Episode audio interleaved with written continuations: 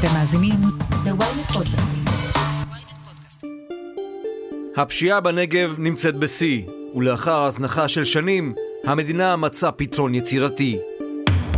אני עטילה שומפלבי, וזאת הכותרת. בחודש שעבר אירוע שולי של נטיות קק"ל באדמות הנגב עורר סערה כשעשרות בדואים חסמו כבישים ויידו אבנים לעבר כוחות המשטרה וגרם למשבר קואליציוני עם מפלגת רע"מ. מה שקורה בשבט אל-עטרש זה אסור שיקרה. אני מדגיש את זה, אסור שיקרה. הדבר הזה מיותר.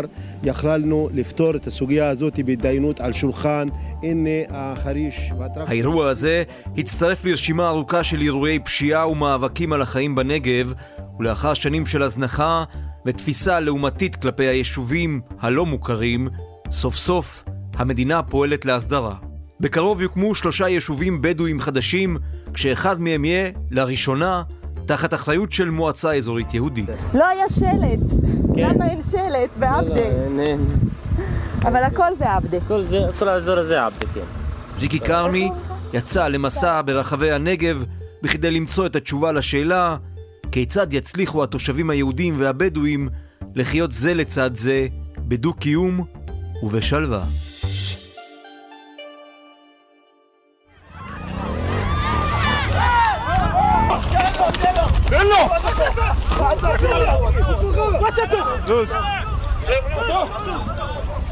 זה הפך לשגרה בדרום, והביטוי הפך כבר למטבע לשון. התפרעויות הבדואים בנגב. כבר שנים אנחנו רואים פשיעה מכל הסוגים. אלימות, התפרעויות בכבישי הדרום, ירי בלתי פוסק וסכסוכי משפחות שגולשים לכל המגזרים ולכל התושבים בכל עיר ועיר בדרום. כשהשיא היה בקרב היריות בין חמולות ליד בית החולים סורוקה בבאר שבע בנובמבר האחרון.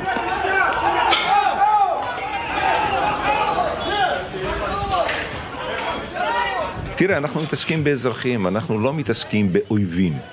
אנחנו מתעסקים באזרחים שגרים במדינת ישראל. אנחנו לא יכולים לקחת, לזרוק אותם ממדינת ישראל ולחשוב ש, שבזה נגמר העניין. הרבה מאוד אנשים... אה, המדינה מנסה להילחם כבר שנים בתופעה. אבל בשונה מממשלות קודמות, בזו הנוכחית סוף סוף מונה שר הממונה על הסדרת התיישבות הבדואים בנגב, שר הרווחה מאיר כהן, שאגב הוא תושב דימונה. אפשר לומר שהוא מכיר את השטח כמו את כף היד. המציאות שם היא מאוד קשה, אנחנו עושים הרבה מאוד, חלק מהדברים בוודאי ובוודאי אנחנו רואים, רואים את אה, הכבדת היד במגזר הבדואי בדרום בכל מה שקשור לכנופיות, חלק מהדברים אנחנו פחות רואים, ייקח יותר זמן. לאחרונה מה שהלהיט את האש, שנראה שלמעשה כל הזמן בוערת, הן נטיות קק"ל, סמוך לאדמות בהן מתגוררים בדואים. בעקבות ההתפרעויות הגיעו גם מעצרים וכתבי אישום לכמה מהמתפרעים, שחלקם הלא מבוטל אף ילדים מתחת לגיל 18. ואז, שוב האש תודלקה. يا ضحى يا الكاكان يا سرنا يا بطل המראות של בדואים מפגינים מול היכל בית המשפט בבאר שבע הוא לא משהו חריג. במהלך השנים הם הפגינו מסיבות שונות. במרבית הפעמים, הסיבה נעוצה במאבקים על הקרקע היוקרתית והנחשקת בנגב. אתה לא יכול לנשל אה, מישהו ממשהו שהוא לא שייך לו. ערן דורון, ראש מועצת רמת נגב, חי כבר כמעט 15 שנה בדרום. הוא מכיר את ההיסטוריה של האזור, והוא מבין טוב מאוד את הבעיות שגרמו למצב להיות נפיץ כמו שהוא היום. צריך להבין שהתפיסה הבדואית והתפיסה היהודית לגבי מרחב שונים לחלוטין, וזה לא נכון רק לנגב, זה נכון לגבי כל המזרח התיכון. אנחנו חיים היום תחת הנחת העבודה של מדינת לאום. הקמנו בית לאומי לעם היהודי בארץ ישראל. אנחנו רואים שהמקום שבו מדינות הלאום פחות מצליחות זה באמת במזרח התיכון. מי שחי במדינת ישראל, וזה לא משנה אם הוא אזרח יהודי או ערבי, והמדינה בסמכותה ובכוחה להפקיע אדמות, אם זה לבנות כביש 6, אם זה להרחיב שכונה, ואם זה אה, להחליט איפה אנשים יחיו או לא יחיו. תפיסת הנישול היא לא אה, רק בגלל שהם היו שם. אני כן מכיר באמירה הזאת שאנשים חיו פה מאות ועשרות שנים, ופתאום באים ואומרים, אתם לא רלוונטיים. אז אני חושב שזה לא רק תחושת נישול מבחינתם, זה בעיקר תחושה שהמדינה והם, אין להם אה, שפה משותפת, ובעצם המדינה אה, מתנכרת להם. בנובמבר האחרון הממשלה אישרה הקמת שלושה יישובים בדואים חדשים בנגב. רחמה ליד ירוחם, חשם זאנה בסמוך לנבטים, ועבדה. שם הסיפור הוא לגמרי שונה. עבדה אמור לשנות בעל בית בקרוב, ולהשתייך למועצה האזורית רמת נגב. למעשה, הוא יהיה ליישוב הבדואי הראשון בנגב שיהיה חלק מרשות מוניציפלית יהודית ולא בדואית.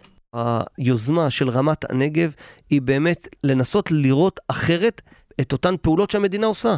המדינה ממשיכה להסדיר את ההתיישבות הבדואית. המדינה כל השנים האלה ניסתה לייצר פרויקטים של תעסוקה ושעוד כל מיני פרויקטים, חלקם הצליחו יותר, חלקם הצליחו פחות. וזה המקום שבו אנחנו כרשות רוצים להיכנס, לוודא שבעצם אותה אוכלוסייה שנמצאת בעבדה, תקבל מרמת הנגב תשתיות חברתיות כמו שאר היישובים שלנו, שהתשתיות האלה יגרמו לכך שבעוד אה, עשור, או בעוד שני עשורים, לא נשאל את עצמנו אה, למה אה, האוכלוסייה בעבדה היא אוכלוסייה שהיא עכשיו נמצאת בכל הטבלאות ב, עם שיעורי הפשיעה הכי גבוהים, עם שיעורי הבערות הכי גבוהים, עם שיעורי פוליגמיה ו ו ו, אלא להפך, איך אנחנו מצליחים להוציא משם ילדים שהתנדבו לצה"ל. כבר עשרות שנים שעבדה נמצא בשטח השיפוטי של רמת נגב. חיות שם 250 משפחות. ומדובר באוכלוסייה שמשוועת להיות חלק ממגרש המשחקים הישראלי.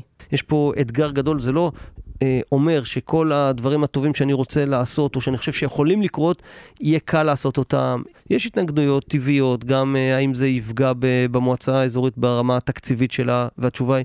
חד משמעית, אם לא נקבל כסף מהמדינה, זה יפגע בנו.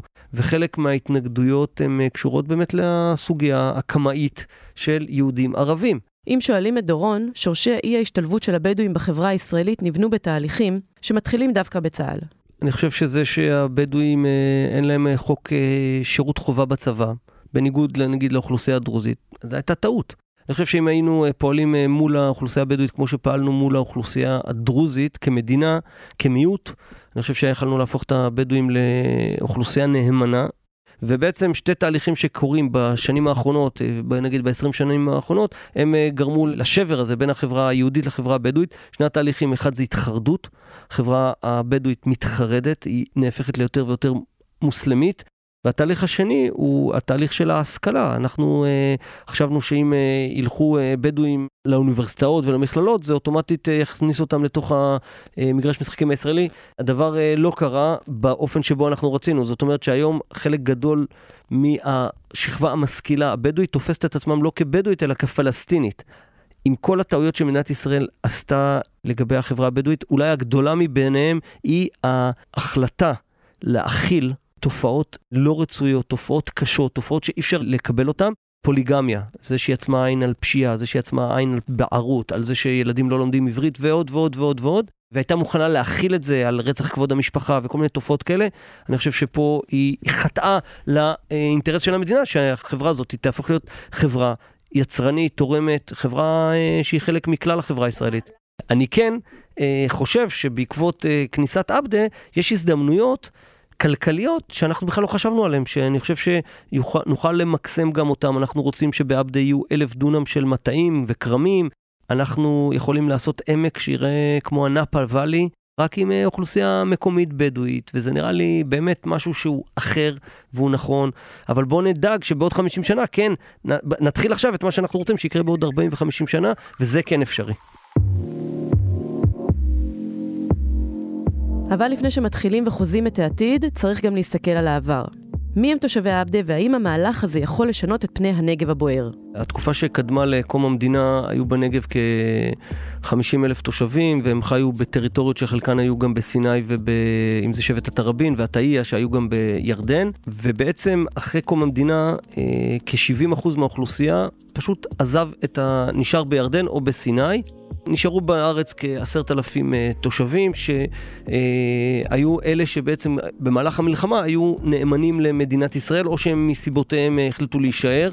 אה, הדוגמה הבולטת ביותר היא שומר השדות של קיבוץ רביבים, עומר אבו עומר, שלימים הפך להיות ראש מועצת שגב שלום והיום בנו הוא אה, ראש המועצה. אחרי קום המדינה נותרו רק עשרת אלפים, 12 אלף אה, תושבים שהיו פה תחת שלטון צבאי, והמדינה ידעה להתנהל מול השייחים, אבל לא באמת הבינה לעומק את המשמעות של החברה הבדואית שבעצם התכנסה לתוך אה, גבולות הארץ. בשנות ה-50 נרצחו על ידי בדואים ברברה פופר, רועת צאן מקיבוץ שדה בוקר, ויאיר פלד, מפקד סיירת צנחנים. בעקבות הרציחות, המדינה ריכזה התיישבות יהודית בבקעת ערד ובבאר שבע. ואצל הבדואים, כלום. והפלא ופלא, הנה היום, שישה, שבעה עשורים אחרי זה, בקעת ערד, בקעת באר שבע, הם הבעיה הגדולה שלנו. זאת אומרת שעוד פעם, המדינה לא ידעה לחזות מספיק טוב את התהליכים אה, הדמוגרפיים. בעקבות הכניסה שלהם אה, בסוף שנות ה-50, מתחילה בעצם האוכלוסייה הגדלה ומכפילה את עצמה כל 13 שנה, והמדינה מתחילה להבין שיש פה משהו שצריך לעשות פה, כי התנאים לא היו תנאים טובים. כבר במהלך שנות ה-60 מחליטים לתכנן את העיירות הבדואיות, אה, שהן עומדות בסתירה מוחלטת לאורח החיים, לתרבות, לשבטיות, לחמולתיות. זה לא בגלל שעשו את זה דווקא, אלא לא הכירו מספיק את המשמעויות, את הזרמים התת-קרקעיים של האוכלוסייה הבדואית, והם מקימים את אותן עיירות, שמהר מאוד העיירות האלה הופכות להיות אה, בתי גידול לבערות ולפשיעה ולהזנחה בתחילת שנות ה-90 אה, מוקמת המועצה לכפרים בלתי מוכרים, והם אה, משתמשים באותו ארגז כלים של המדינה, הלא הוא הארגז כלים המשפטי, כי צריך לומר, חלק גדול מהבעיות של המדינה מול האוכלוסייה הבדואית נבעו על סוגיית המקרקעין. המדינה, עוד פעם, בארגז כלים שיש לה, מנסה לפתור את הבעיות הבדואים. זאת אומרת, היא מקימה ועדות, אה, אם זה בתקופת אה, ממשלת שרון, ואחרי זה אולמרט, ועדת גולדברג, ואחרי זה אה, דוח פראוור, ובגין, ודורון אלמוג, וכל האנשים הטובים שרצו באמת לנסות למצוא פתרון לאחד, בעיית המקרקעין, ושתיים, לסוגיות החברתיות המאוד מאוד קשות שנוצרו בתוך החברה הבדואית כתוצאה משינויים תרבותיים והכניסה שלהם לתוך אה, מערכת אחרת ממה שהבדואים אה, היו מורגלים אליה במשך אה, מאות ועשרות שנים. המושג הזה, בדואי של נודד, הוא מתחלק לשניים. יש בדואי שהוא פלאח ויש בדואי שהוא נודד. אבל לאט לאט, מה לעשות, יש קדמה, והקדמה הזאת צמצמה את השטחים, ככל שהגבולות צמצמו את שטח המחיה, הם הפכו להיות מחברה נודדת לחברה מתיישבת והופך להיות העירוני. יושב ראש המועצה המקומית התעשייתית נאות חובב גדי אלפסי חי בנגב כבר 60 שנה. הוא עורך דין וחוקר את התהליכים הפנימיים בחברה הבדואית. כאשר המדינה קמה והתחילה לטפל בסוגיה הזאת, אז קודם כל קיבצו אותם וריכזו אותם במקומות כשהם אה, עדיין אה, יושבים בתוך פחונים ואוהלים, המדינה הבינה שיש כאן בעיה שצריך לפתור אותה, הקימו יישובים ותחמו אותם. בשנות ה-70, בשנות ה-80, כאשר אפשרו לבדואים להגיש תביעות בעלות על קרקעות, הרבה מאוד מהם הגישו תביעות כי הגישו תביעות אה, ולא הייתה להם באמת זכות אה, במקרקעין, אבל אה, אפשר להגיד שחלקם כן הייתה להם זכות, והטעות הראשונה שהמדינה עשתה זה שהיא אפשרה להגיש תביעות אבל היא לא הגישה תביעות נוגדות והוכיחה את התביעות של הבדואים בו בזמן. המדינה גם לא התערבה בתוך הסכסוכים הפנימיים שיש בין הבדואים עצמם, כי היא לא ידעה. היא לא יודעת שכשיש אה, סכסוך בין אה, שבט X בתוך השבט בין משפחה Y למשפחה X, אז אה, משפחה Y לא תיתן למשפחה X להיכנס לקרקע שהיא שכנה או צמודה אליו. הבעיה שאלפסי מציג היא שהמשפט הישראלי לא למד את התרבות הבדואית. שבית המשפט הממלכתי, אתה מגיע לשם, אתה לא פותר את הבעיה, הבעיה לא נפתרת. גם אם יש פסק דין, והפסק דין אה, מקוים, וסתם לצורך אה, העניין, אתה פוסק נגד הנאשם, הנאשם נכנס לבית הסוהר, יושב בבית הסוהר, הסכסוך לא הסתיים. הוא יוצא מבית הסוהר, הסכסוך מתחדש והופך להיות הרבה יותר חמור. לעומת זאת, המשפט המסורתי הבדואי פותר את הסכסוך לתמיד. בשלב הזה באה הסוגיה לפתחו, ממנים את, ה, את השופטים או את הבוררים מטעמם, ושתביני, ההליכים של המשפט המסורתי הם דומים ואף זהים להליכים של בית משפט שלנו. נושא משפט זה דבר אחד. הנושא השני שמדינת ישראל לא נגעה בו הוא חינוך. בואי, אנחנו מתעלמים. אבל אין חינוך כמעט לנוער בדואי שסיים בית ספר אה, אה, י"א או י"ב, אין כמעט, או אוניברסיטה או לך תמות, לך תעסוק בפשע. הרבה מאוד, הרבה אלפ, אל, אלפים של תלמידים שלא רוצים ללכת ללמוד אה, רפואה ולא רוצים ללכת ללמוד הנדסה, רוצים ללכת ללמוד מסגרות וריתוך ושרברבות ומכונאות, ואין להם את האפשרות הזאת. ואין להם את האפשרות לא בגלל שהם לא רוצים, בגלל שהמדינה החליטה שהמקצועות האלה מפסיקים ללמד אותם. זה הזמן להקים בתי ספר להכשרה מקצועית, בנגב, בעיקר בנגב. זה בנפשנו. אז מה היית עושה עם הפזורה? את אומרת שהם פולשים, נכון?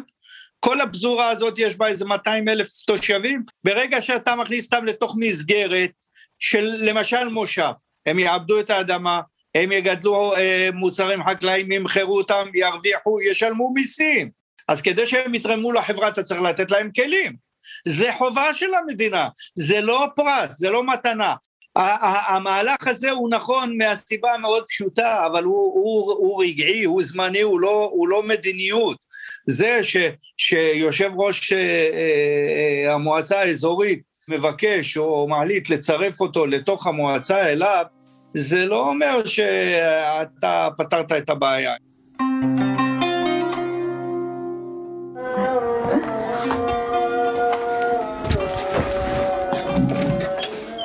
לא רחוק ממועצת רמת נגב נמצא היישוב הבדואי כסייפה. במועצה עצמה מתגאים במודל שלהם לחיים זה לצד זה, ערבים ובדואים. אני אגיד לך, אני חושב שהנגב לא השתנה. מה שהיה לפני שנה ולפני שלוש שנים ולפני חמש שנים ולפני עשר שנים זה אותו נגב, אותו דבר. אני חושב שפשוט מאוד התחילו קצת לנפח את הדברים, לפעמים קצת התקשורת, לפעמים קצת גם חלק, מ, לצערי, חלק מהפוליטיקאים. כשמדברים עם נססרה עבד אל-עזיז, ראש המועצה, הוא אומר שהמצב רק נראה כך בתקשורת, אבל בשטח התושבים חיים בשלום. ביישוב עצמו אה, גם כן מורגשת הערבוביה. אה, כל תושב שמגיע ליישוב, אה, למחלקת הגבייה, דוגמה, או למחלקת הכספים, או למחלקת אפילו החינוך, יש עובדים אפילו בבתי הספר שהם מהמגזר היהודי שמלמדים מקצועות כמו אנגלית, אולי עברית, גם ספורט. הנגב נמצא בכותרות, שמדברים על פשיעה ומדברים על זה, ו- ויש אצבע מאשימה.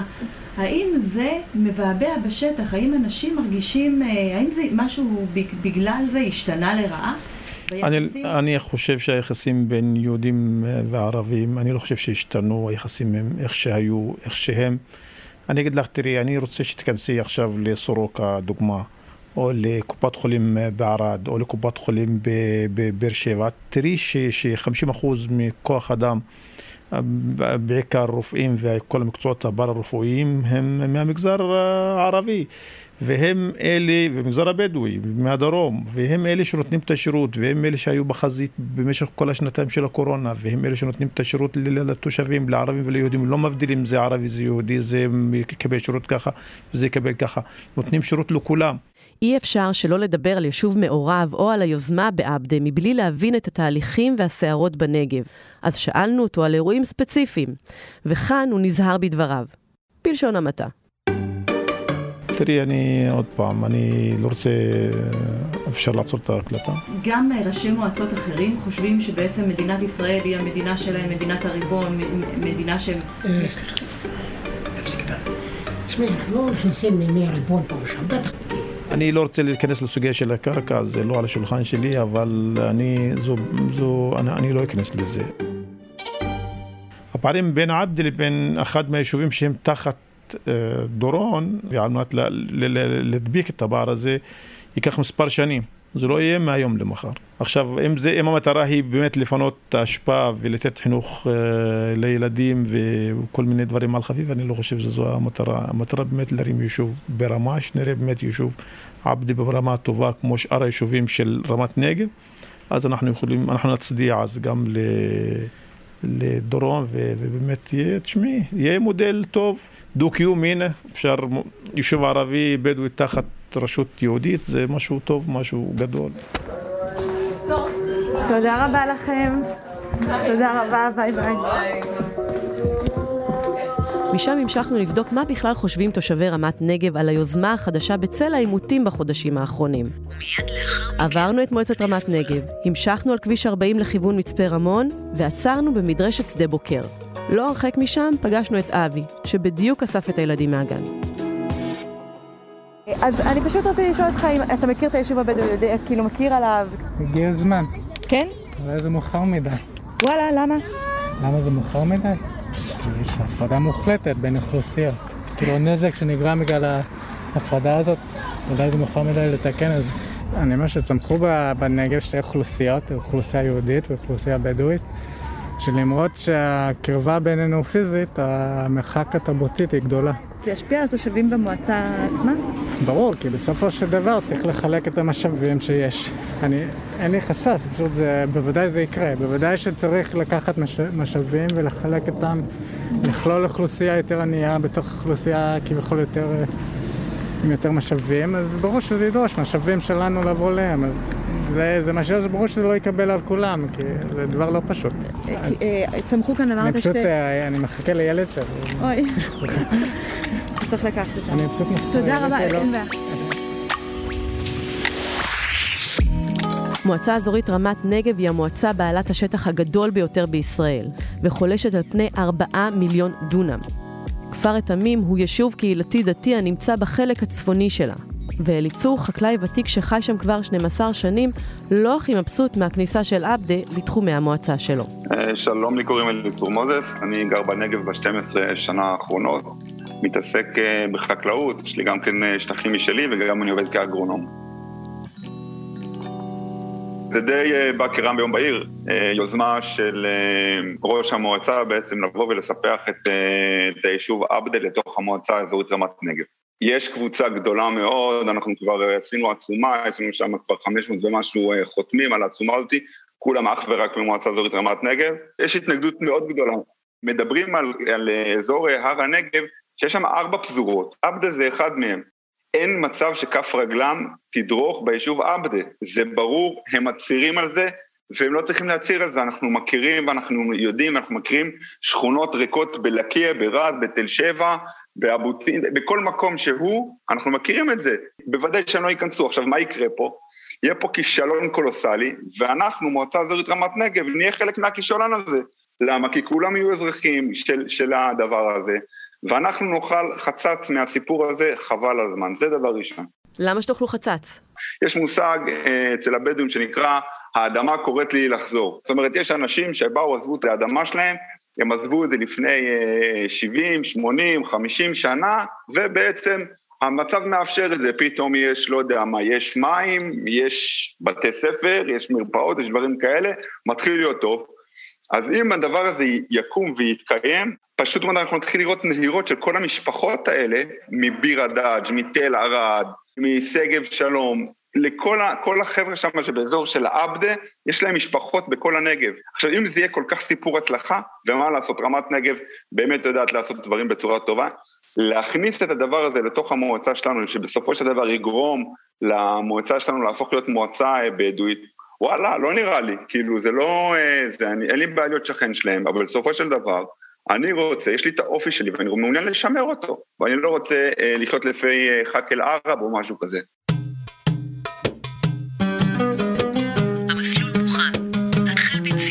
אז נסענו לעבדה להבין איך הם חיים שם והאם הם יהיו המודל לחיקוי שיביא את הנגב לשקט ולשלווה. לא היה קל למצוא את עבדה. בכל זאת מדובר בפזורה. נסענו למצפור ליפה גל, עשר דקות נסיעה מהצומת לכיוון מצפה רמון. פחון ועוד פחון, אוהל ועוד אוהל. והם כולם מפוזרים על פני שטח רחב. אפילו שלט לא קידם את פנינו. אבל מיד הבנו, זו הפזורה של עבדה. לא היה שלט. למה אין שלט בעבדה? אבל הכל זה עבדה. כל האזור הזה עבדה, כן. איך הוא? בשעות הצהריים אין שם כמעט גברים, רק מעט מהנשים. וכמה ילדים שלא ברור למה לא נמצאים בשעות האלו בבית הספר. כמעט כולם בעבודה. תפסנו את סלם, צעיר בעל משפחה שכרגע הוא בין עבודות. תקשיב, איך שאנחנו חיים ככה זה בסדר בשבילי. לילדים שלי ולזה. זאת אומרת, זה סבבה לך ככה. ככה סבבה לי, כן. אבל uh, הם אומרים שהם ישיגו עוד uh, כספים מהמדינה, ואז יבנו לכם בית ספר, יבנו לכם, uh, אתה יודע, לילדים. ואולי יסדירו את כל ההתיישבות. חוגים, דברים. כן, כן, גנים וזה, כן. אז אתה, זאת אומרת, זה יהיה לכם טוב. כן. לא מתנגד. לא, לא, לא מתנגד. יאללה, הלוואי. כשאנחנו שואלים על היוזמה להיות חלק מרמת נגב, מפנים אותנו לעיד, אחד המבוגרים האחראים. עיד עובד ברשות הטבע והגנים, וקשה מאוד לתפוס אותו לשיחה פנים מול פנים. אז התקשרתי אליו. הלו. שלום, עיד. שלום. היי, מה שלומך? אה, מדברת ריקי, אני מחדשות מ-ynet.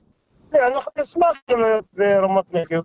אה, אני מבין ב- הרבה במועצות האזוריות של אה, כל מיני אה, שהם לבד, אה, הם לא טובים לנו. אנחנו חיינו פה בין אה, מועצת כספי רמון, לפני זה עשר שנים יורידו אותנו מהמועצה. מה, מה אתם מצפים שיקרה כשיצרפו אתכם? שתוכלו להיות בבית ספר? שמה, מה, מה, מה יקרה? תראי, אנחנו רוצים אה, בוודאות, אה, הכי חשוב לנו זה החינוך של הצעירים היום. השכלה טובה. אנחנו אנשים שרוב האנשים פה עשה צבא, זה שטח מאז, באמת, אבותינו שהיו פה, לקחו את השטח ביום, אנחנו, לצערי, אף אחד לא מסתכל עלינו. כל אחד מסתכל עלינו בתור עבריינים, אנחנו לא עבריינים, אנחנו אנשים שרוצים לחיות לא יותר, לא פחות. ואם נחזור לערן דורון ולחזון שלו בנוגע לעבדה, גם הוא מבין ששום דבר לא יקרה ברגע. התושבים בעבדה, יש להם בית ספר יסודי שלהם, שם לומדים על פי תוכנית הלימודים של השפה הערבית, על פי אה, תוכנית הלימודים שנמצאת באגף הרלוונטי ב... אה, במשרד החינוך, וכמובן עם תמיכת מועצה, ואנחנו אה, נוודא שהחינוך יהיה טוב יותר ממה שהוא היה עד היום. אני מבטיח שבעניין הזה המעורבות של רמת נגב תדאג אה, בהכרח לכך שהתכנים שהם ייחשפו אליהם יהיו מותאמים גם לדברים, אבל זה לא אומר שהם עוברים לבתי הספר היהודיים עכשיו.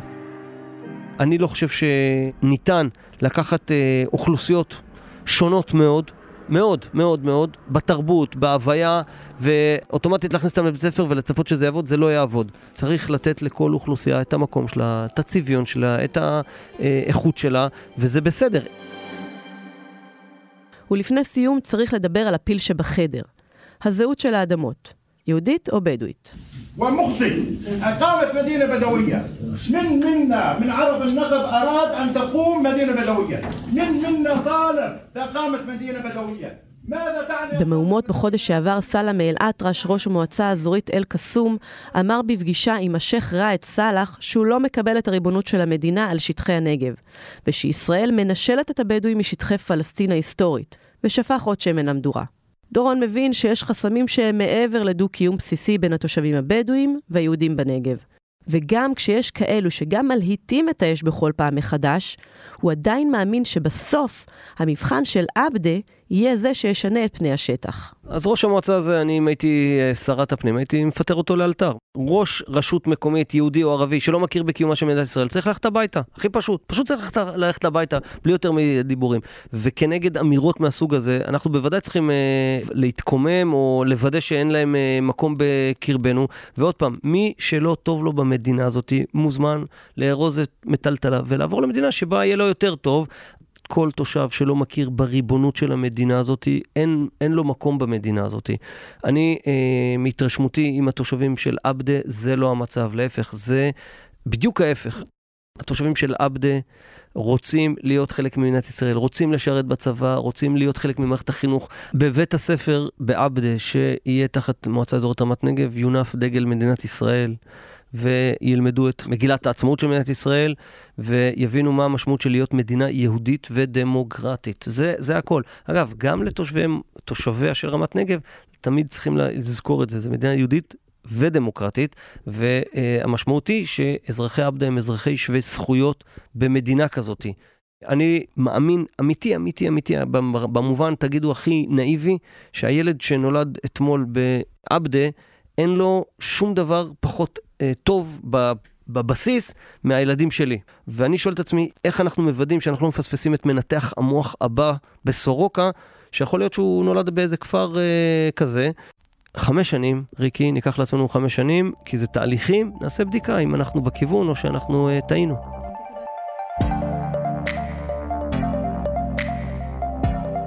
עד כאן הכותרת להפעם. אתם מוזמנים לעקוב אחרינו בוויינט או איפה שאתם שומעים את הפודקאסטים שלכם.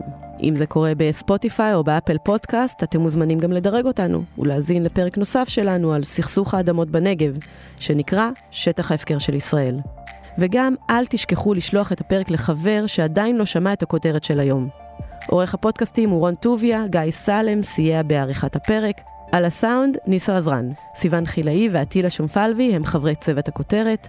אני ריקי כרמי, ניפגש בפעם הבאה.